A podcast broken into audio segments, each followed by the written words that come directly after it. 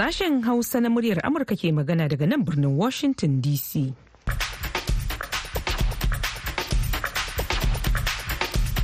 Masu sauraro Assalamu alaikum. Barkanku da wannan lokaci. Da fatan an wani lafiya. Yanzu ma Aisha Mu'azu ce tare da Ibrahim Ka'almasi Garba da sauran abokan aiki muke farin cikin sake kasancewa tare da ku a cikin shirinmu na dare yau talata tara ga watan Janairu na shekarar 2024.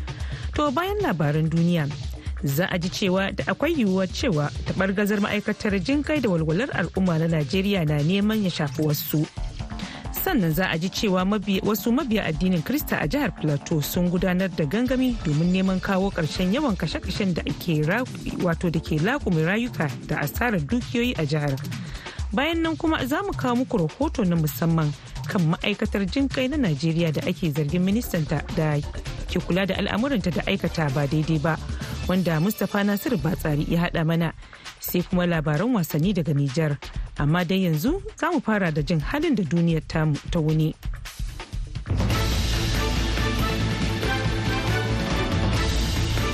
To assalamu alaikum masu saurare da fatan wuni lafiya ga labaran. Wani harin da ƙungiyar ISIS ta kai ya hallaka sojoji akalla goma sha huɗu da ke cikin wata motar bas a hamadar Siriya yau talata. a cewar wata ƙungiya mai bibiyar yaƙi wanda shine karo na biyu da aka kai irin wannan harin a wannan shekarar an kashe akalla goma sha huɗu daga cikin sojojin gwamnati sannan wasu da dama sun samu raunuka a wani mummunan hari da aka kai kan motar bas ta sojoji a cikin hamada daura da daɗaɗɗen birnin na palmaira a cewar ƙungiyar mai rajin kare haƙƙin ɗan adam da ke siriya. A wani bayanin da ta yi bayar daga baya ma'aikatar tsaron siriya ta tabbatar da aukuwar wannan harin. To amma bata ta ba da adadin da bai kai haka ba. Ta ce an kashe sojoji takwas ne a wani harin da 'yan ta'adda suka kai kan wata motar bas ta sojoji a hamada kudu da palmaira. Sakataren harkokin wajen amurka anthony blinken ya yi kira ga firaministan isra'ila benjamin netanyahu yau talata a birnin tel aviv da ya tabbatar cewa sojojin ƙasarsa sun kawo ƙarshen gallazama farar hula da suke yi a gaza a yaƙin da suke yi da mayaƙan hamas. Sakatare blinken ya jaddada goyon bayanmu ga damar da isra'ila ke da ita ta hana sake aukuwar harin nan na ranar bakwai ga watan oktoba. Sannan ya jaddada muhimmancin hana ci gaba da cutar da fararen hula da kuma kare madafun more rayuwa na fararen hula a gaza. A cewar mai magana da yawon ma'aikatar harkokin wajen amurka matthew miller a wani bayani na yau talata bayan da bilinkin ya gana da netanyahu da kwamitin kula da yaƙin da isra'ila ke yi. Jami'an lafiyar gaza dai sun ce falasina kusan dubu ashirin da uku aka kashe a hare-haren da isra'ila ke kaiwa a zirin gaza kuma da dama daga cikinsu mata ne da yara. Ƙungiyar mayaka ta Hezbollah da ke Lebanon yau talata ta ce ta kai wani harin jirgi mara matuƙi wanda ta auna kan wani sansanin sojin Isra'ila a matsayin martanin kashe wani babban kwamandan mayaƙan hezbollah ɗin da kuma mataimakin shugaban ƙungiyar mayaka ta hamas.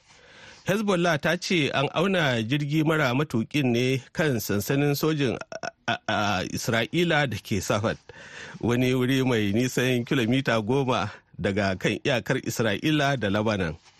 Rundunar sojin isra'ila ta ce ta cilla makamai masu cafko makaman abokan gaba don daƙile hare-haren jirage marasa matuƙa na labanan zuwa isra'ila amma wani makami marar linzami ya fada wani sansanin soji a arewacin isra'ilar. Rundunar sojin ta ce babu wanda harin ya ritsa da shi kuma bai yi wata barna ba.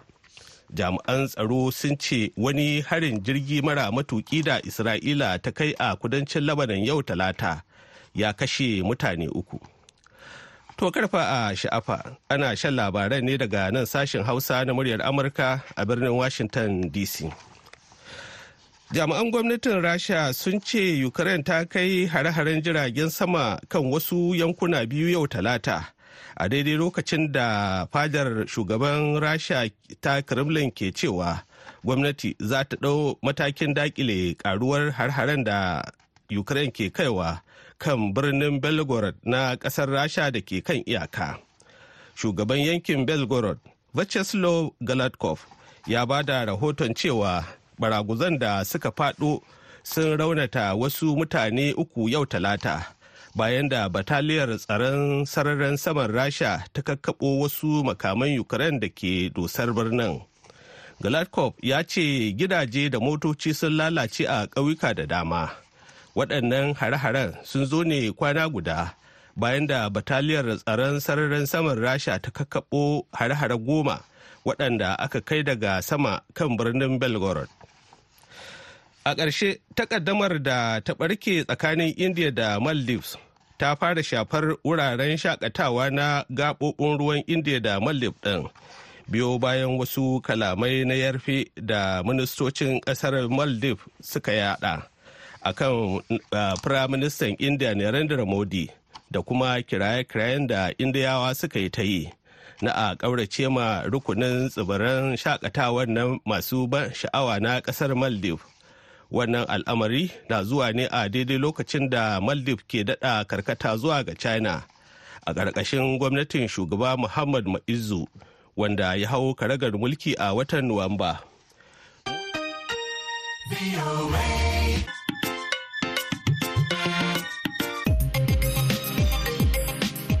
A gaida Ibrahim Ka'almasi Garba da ya karanto mana labaran duniya daga nan sashen Hausa na muryar Amurka a birnin Washington DC.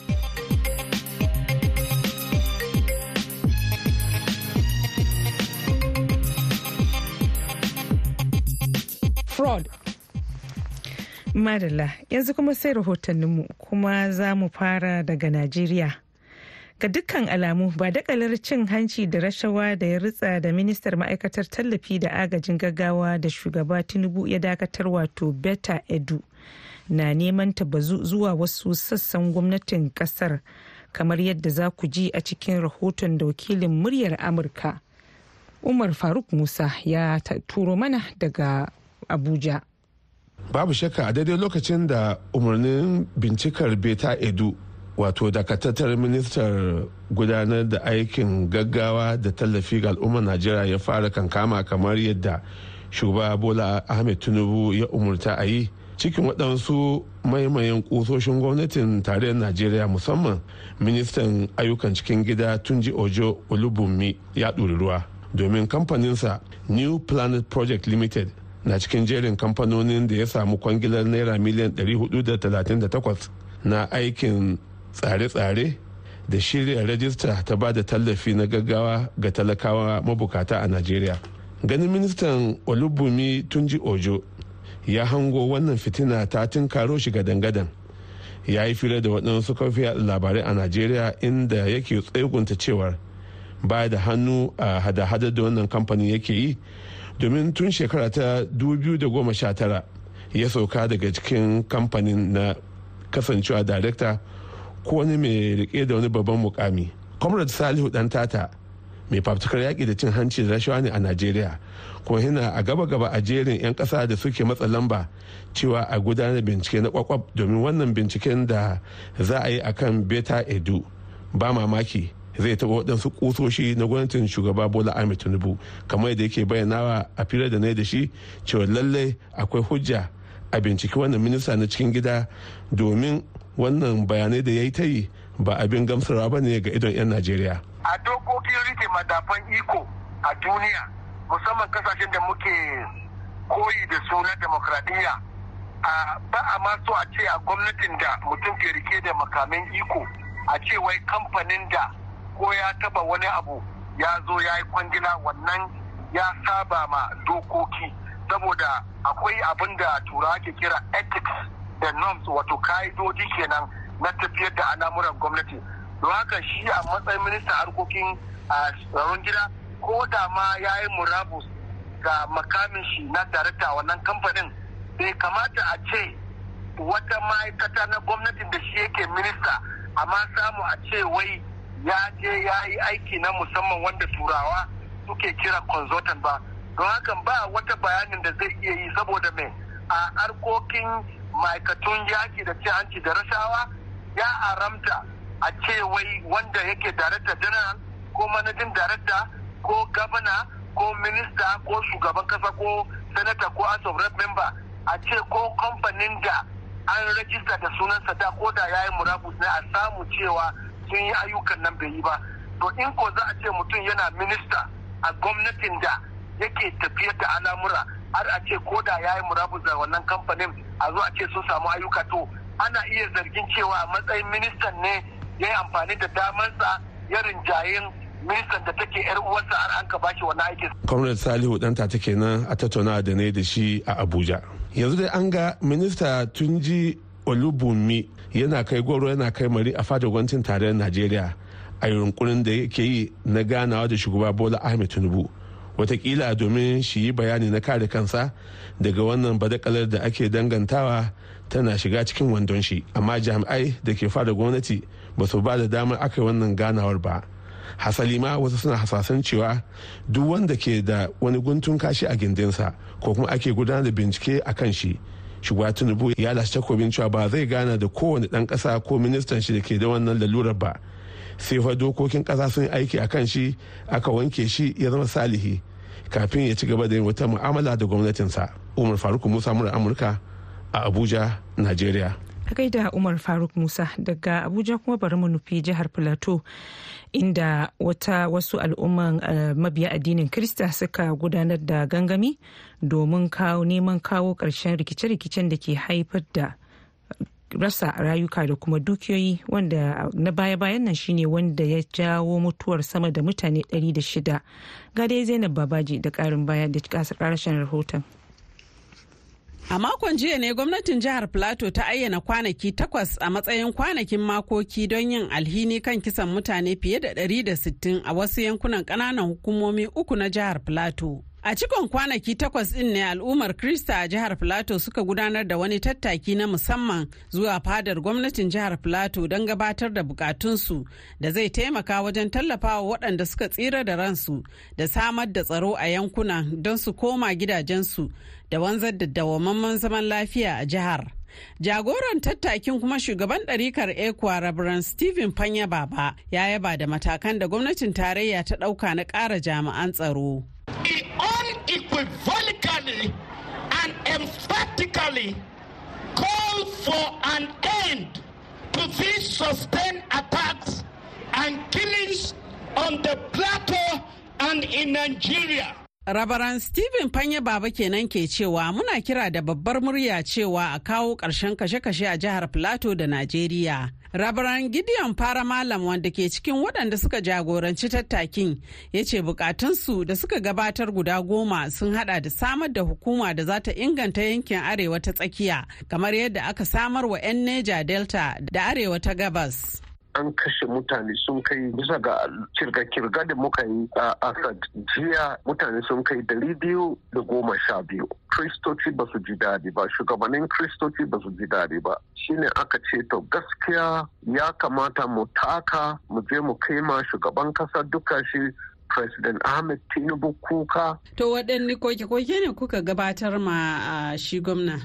Ya kamata nema ita tana hannun ci shugaban kasa to muna so su tashi da sauri su taimake waɗanda suka rasa gidajensu ba su a gidajensu kuma jiya mun duba sun kai dubu goma sha biyar gaskiya. Ya kamata a taimake su su samu abincin ci su samu abincin abin da za su kwanta banda wannan kuma a samu musu magunguna.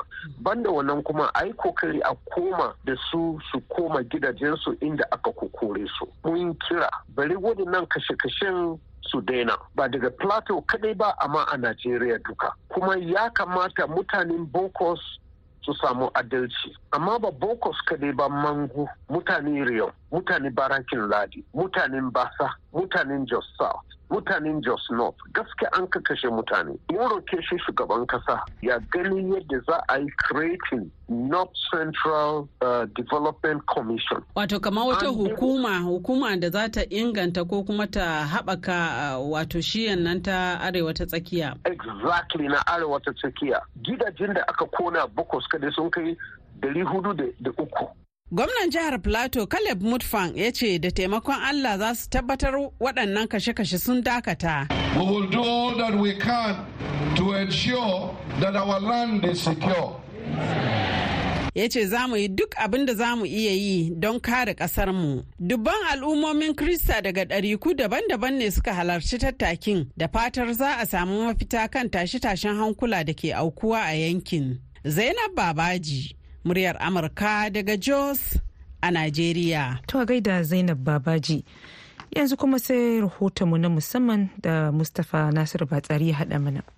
A yanzu haka dai masana tattalin arziki a Najeriya na ci gaba da yin sharhi akan takaddamar da ta kunno kai a ma'aikatar kula da jin kan jama'a ta Najeriya tun a cikin makon da ya gabata ne dai. Hukumar yaƙi da yi ma tattalin arzikin ƙasa zagon ƙasa ta EFCC a Najeriya. Ta fara gudanar da bincike a kan tsohuwar ministan kula da ma'aikatar jin kan ta Najeriya Sadiya Umar Faruk. Hukumar ta EFCC dai tana zargin tsohuwar ministan Sadiya Umar ne da karkatar da sama da naira biliyan 37 a lokacin shugabancin Muhammadu Buhari a yayin da kuma a ranar Litinin ɗin nan da ta gabata shugaban Najeriya Bola Ahmed Tinubu ya kori ministan da ke kula da wannan ma'aikata wato Beta Idu daga kan mukaminta saboda wasu zarge-zarge na tura wasu makudan kudade a asusun ajiyar kuɗi na wata mata. A yanzu dai gwamnatin Bola Ahmad Tinubu ta ware naira biliyan 150 a ma'aikatar jin kan domin tallafawa marasa ƙarfi a cikin wannan shekara ta 2024 bayanai dai sun nuna cewa akwai wasu jihohin Najeriya da aka ayyana adadin waɗanda za su ci gajiyar wannan shiri na wannan shekara ta 2024 duk da cewa a tsohon tsarin mutane kalilan ne suka amfana a jihohin. Jihohin Sokoto da Kebbi a arewacin Najeriya na ɗaya daga cikin jihohin da aka tsara adadin waɗanda za su ci gajiyar wannan shirin kamar yadda abokin aikinmu Muhammad Nasir ya yi ƙarin bayani. Mutane da yawa jihohin Sokoto da Kebbi sun amfana da wannan tallafin. Saɓanin waƙa gwamnati ta yanzu. Waka gwamnati ta yanzu a nan jihar Sokoto an shata mutum fiye da dubu ɗari biyu za su amfana. Amma yanzu yanzu waɗanda suka amfana ko ɗaya bisa goma na waɗannan mutanen ba su yi ba. Duk da yake a Sokoto akwai ɗan takin saƙa a hukumar da ke kula da bayar da wannan tallafin. Sabon gwamnatin da ke yanzu ta tura jami'an ta a wannan ma'aikata. Jami'an da suka isko tun tsofi na waɗanda waccan gwamnatin sa to sai za akwai take saka tsakanin su wadancan tsayin jami'ai ba su son waɗanda sabbin jami'ai su san yadda shirin yake. Duk da haka akwai mutanen da suka soma amfana domin ma na tattauna da wasu a cikin gari za ka ga unguwa kila yan mutum goma sun yi applying za ka ga mutum bakwai zuwa takwas sun samu. Amma wata unguwa an ka duba kuma za ka ga mutum goma sun yi applying amma mutum guda kawai ya samu. Wasu nuri an samu wani wuri ba a samu ba. na'am. To yanzu me za ka ce game da shirin? Kamar duk da babu kididdiga ya za ka kwatanta wannan percentage na wayanda suka samu a wayannan jihohi? To alaƙiƙa na gaskiya percentage wanda suka samu na ga sun yi na yanzu. Yanzu wanda suka samu gaskiya ba su haka su hakariya ba yawan sabanin wancan wanda aka yi lokacin gwamnatin Buhari. Kamar yadda ma bayan da jihar Sokoto jihar Kebbi mutum dubu ɗari biyu da goma sha ɗaya aka shata za su samu. Wasu jihar Kebbi sun raba abin ƙari gida biyu. Waɗanda suka ɗauka ta gehen wani shiri da suka ce ma National Social Register. Doki mutum dubu ɗari da sittin za su amfana a wannan gehe. Sannan a wani gehe da suka ce ma Emergency Response Register. Shi kuma mutum dubu hamsin da ɗaya suka sa za su amfana wannan wurin. Amma dai kawo yanzu mutane ba su amfana ba amma dai ana nan ana shirye-shirye ganin cewa mutane sun amfana. To a can jihohin Taraba da kuma Adamawa kawowa yanzu babu wani cikakken bayani akan adadin waɗanda za su ci gajiyar wannan sabon tsari na shekara ta 2024 to amma dai abokin aikinmu Lado Salisu Garba ya ce kashi 25 biyar ne suka amfana a jihohin Taraba da kuma Adamawar. A cikin shirin ba da tallafin na tsohuwar gwamnatin Muhammadu Buhari. Idan ka ɗauki jihar Adamawa tana da kaso 25 cikin 100. Idan ka ɗauki jihar taraba tana da kaso 25 cikin 100 ko kuma in ce fiye da haka duba da cewa ita jihar taraba a wannan ma'aikata na jin kai da walwalan al'umma akwai ma wani wanda ya kasance yana ɗaya daga cikin wadda ke aiki a wannan ma'aikatar a jihar taraba wadda hakan ke nuni da cewa su wannan jihar kusan ma zan ce abin da suka mora zai kai 27 ko kuwa da takwas cikin ɗari sabanin yadda jihar adamawa ta mora a wasu ɓangare din. To wani babban jami'in kula da wannan shiri na ba da tallafin al'umma a jihar Niger, Comrade Umar Shaba, ya yi bayanin yadda shirin ya gudana a jihar Niger, inda ya ce bayan tsarin ciyar da 'yan makaranta a makarantu da suka yi a ɓangaren 'yan fawa ma sama da mutane dubu hamsin ne suka amfana daga tsarin daga shekara ta 2016 zuwa shekara ta 2022 kaga kamar mata masu sai da tumatiri in ka je kasuwa za ga sun je sun ɗauko tumatiri a wurin wanda ya ɗauko sai su su kasa da yamma sai su mai da kuɗi. Muka ce to ai irin wannan in ka taimaka masu da jalli za su yi fiye da abin da suke yi yanzu. Su kuma ana ba su dubu hamsin hamsin in suka mayar ba su. Akwai wani kuma da ake cewa farmers money a cikin jeep ne yake. Kuma ana taimakawa manoma da dubu ɗari uku saboda sayan su taki da sauransu su ma an suka yi harvesting sai su mayar. To shi wannan muna da wanda suka amfana sama da mutane dubu hamsin da wani abu. na yanzu kashi uku kenan na wannan ɓangare kamar yadda kai biya kashi huɗu gudan ne kenan? kashi hudun shine abin da muke ce ma empower. Na taimakawa matasa da suka gama ko jami'a ko polytechnic ko sakandare ba su da abin yi. Gwamnatin tarayya sai ta ɗauke su aiki na shekara ɗaya da aka fara da shekara biyu ne. Amma yanzu ya koma shekara ɗaya za a dinga biyan su dubu talatin talatin a wata goma sha biyu sannan a ƙarshen wannan wata goma sha biyun za a bashi kuɗin wata biyu ya zama to kamar sallama. To masanin tattalin arziki a Najeriya Usman Abubakar Masanawa ya ce lamarin wannan takaddama tana da matuƙar tayar da hankali kuma ma kuma baya ne a yaƙi da cin hanci a Najeriya. Gaskiya ana samun sakaci tsakanin ma'aikata ba su tsayawa su tsare dokokin aikinsu. Mutum koda yana gabanka idan ya ce maka ka zo ka yi abin da ka san ba daidai ba ne wannan abin da kake cewa a yi ya saba da doka. Wato ka nuna abin da ba zai yiwu ba kenan. Yawwa ka gaya masa abin da ba zai yiwu ba. Amma dukan mutane kowa ya koma babban baki kowa ya koma maroki. A ɓangaren ku batun yaƙi da cin hancin nan kamar da saura kenan a Najeriya har yanzu. gaskiya da saura an baro shiri tun rani abin da ya kamata kamata ya a ƙarfafa dokoki da kuma yin aiki da su a cikin aikin gwamnati ina nufin civil service rules ya kamata a tabbatar duk ma'aikacin da aka ɗauka ya tabbatar cewa dukkan aikin da zai yi sai idan ya yi kan doka. Kuma hakan ba zai faru ba sai idan ana aiwatar da hukunci. Wanda duk ya kai saka shi. Na'am to malam usman gashi yanzu shi tinubu ya ɗauki matakin korar wannan matan. Kana ga ci gaba ne wannan koko har yanzu dai da saura? A gaskiya hakan yayi min daidai. Ai ana bahaushe yana cewa a tauna aya dan a tauna tsakuwa dan aya ta ji tsoro. Yanzu kaga wannan korar da ya nuna ba zai lamunci kowane minista ba ya zo ya mishi wani abin da ba daidai ba. Kaga wanda ma ke da shirin irin wannan abun ko kuma wanda ya san yana irin wannan abun zai sha jinin jikinsa. In bai fara ba zai daina. To yanzu ina labarin batun su talakawa daɗa kenan tunda abin da aka ce ya kai gare su gashi kuma inda aka buge.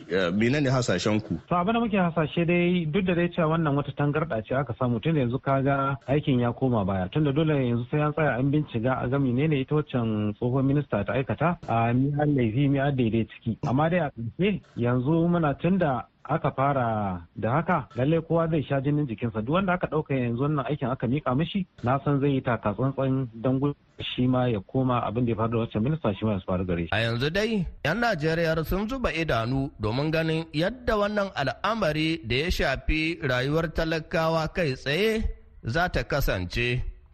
Mustapha Nasiru Batsari, murya Amurka daga Mina a Najeriya. A gaida na Batsari. To shirye-shiryen na zuwa muku ne daga nan sashen Hausa na muryar Amurka daga nan birnin Washington DC akan mitoci 1625 da kuma 31. Kafin mu ci gaba a shakata da wannan waƙar.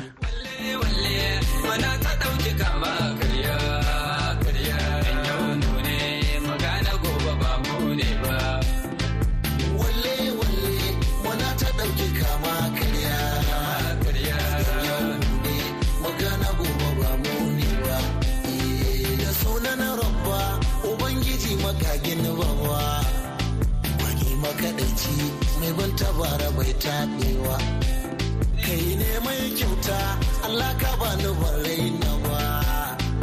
Ira da aminci Allah da dawo manzo babba. Haka haka. Walle walle mana ta ɗauki kama madalla yanzu kuma sai wasanni a taƙaice. Mu soma labarin wasannin mu na wannan ranar ta yau da jamhuriyar Nijar inda a cikin daren jiya ne aka yi rabon gari tsakanin ƙungiyar ƙwallon kafa ta Nijar Mena National da Le Lion de la Teranga cewa da ƙungiyar ƙwallon kafa ta ƙasar Senegal da ke riƙe da kofin nahiyar Afirka. An da yi wannan karawar ne a ƙasar ta Senegal a matakin wasan sada zumunci tsakanin ƙasashen guda biyu tare da shirye-shiryen kimtsa ƙasar ta Senegal a gasar ƙwallon kafa ta nahiyar Afirka da za ta so koma nan da kwanaki huɗu a ƙasa Ivory Coast. An share mintuna 99 ana fafatawa tsakanin Nijar Senegal inda Senegal ɗin ta samu cin ƙwallo ɗaya tilo da aka ci a wannan karawar a mintuna na 99 inda aka tashi Senegal na da ɗaya Nijar ba ko guda. Kuma wannan karawar ya wanzu ne bisa gayyatar ƙungiyar ƙwallon kafa ta ƙasar Senegal yayin da wannan shine karo na farko da sabon kocin jamhuriyar Nijar ɗan ƙasar Morocco Bado Zaki ya jagoranci ƙungiyar ƙwallon kafa ƙasar zuwa wani wasanni da wata kasa. Kasashen da za su shiga wannan gasar ta kofin ƙwallon afirka na 2023 na ci gaba da gudanar da wasannin sada zumunci domin kimtsawa zuwa shiga gasar kamar da kamata. A jiya litinin gine conakry ta lalaye super eagles ta nigeria da ci biyu da nema yayin da aka tashi bin kare bin damo ɗaya da ɗaya tsakanin botswana da mozambique. A yau kuma an yi na ɗibi na gashi ka ɗibi na dahuwa ɗaya da ɗaya tsakanin kamar da zambia a ɗaya hannun ku kusan cewa dan wasannin dan najeriya da ya ciwa club din bayar leverkusen na ƙasar jamus kwallaye har so goma tun su makakar ƙwallon kafa na wannan shekara zuwa ranar yau. Abinda ma yasa club din nasa ke jan ragamar teburin bundesliga cewa da victor boniface ba zai samu damar takawa tarayyar najeriya leda ba inda tuni ƙungiyar ƙwallon kafa ta najeriya ta super eagles ta kira teran mufi da ke bugawa club din OGC Nice na ƙasar Faransa domin ya maye gurbin sa. Duk dai a ƙwallon kafa kusan cewa yanzu haka duniyar wasan ƙwallon kafa da mata ƙasar Jamus na jimamin mutuwar tsohon tauraron ƙwallon kafa na Manshaft ta ƙasar Jamus cewa da Frank Beckenbauer. Dan wasan da ma shine kirkiro da bugawa a matsayin na kusa da gola kenan mai lamba biyar ko libero. Ya rasu yana da shekaru 98 a duniya. Ya lashe kofin ƙwallo na duniya har so biyu na farko a shekarar 1974 a matsayinsa na dan ƙwallo yayin da maimaita wannan galabar a shekarar 1990 a matsayinsa na kocin ƙasar jamus. Hasalima ya lashe tukucin ballon d'or na france football a shekarun 1972 da shekarar 1976 haka ma beckenbauer ya horar da ƙungiyoyin ƙwallon kafa da suka hada da olympique de marseille ta ƙasar faransa da bayern munich. Ta ƙasar jamus haruna mamman bako na birnin kwanne sashen hausa na muryar amurka daga birnin kwanne a jamhuriyar nijar. Yanzu kuma sai labarai a taƙaice. To a takaicen wani harin da ƙungiyar ISIS ta kai ya halaka sojoji akalla goma sha huɗu da ke cikin wata motar bas a hamadar Siriya yau talata a cewar wata ƙungiya mai bibiyar yaƙi wanda shine karo na biyu da aka kai irin wannan harin a wannan shekarar. Sakataren harkokin wajen amurka anthony blinken ya yi kira ga firaministan isra'ila benjamin netanyahu yau talata a birnin tel aviv da ya tabbatar cewa sojojin ƙasarsa sun kawo ƙarshen gallaza farar hula da suke yi a gaza a yaƙin da suke yi kan hamas. Ƙungiyar mayaka ta Hezbollah da ke Labanan yau talata ta ce ta kai wani harin jirgi mara matuki wanda ta auna kan wani sansanin sojin Isra'ila. Ta masu sauraro duka duka a nan za mu sallama da ku sai kuma zuwa gobe da safe ku ji wasu abokan aikinmu da wani sabon shirin. Yanzu a madadin Ibrahim ka almasi garba da ya taya ni gabatar da shirin sai kuma wacce ta shirya kuma ta ba da umarni Fiona wa mayinan dudu da kuma wanda ya sada mu da ku Mr. Cedric Franklin. Ni Aisha Mu'azu nake muku fatar asbahi ta gari.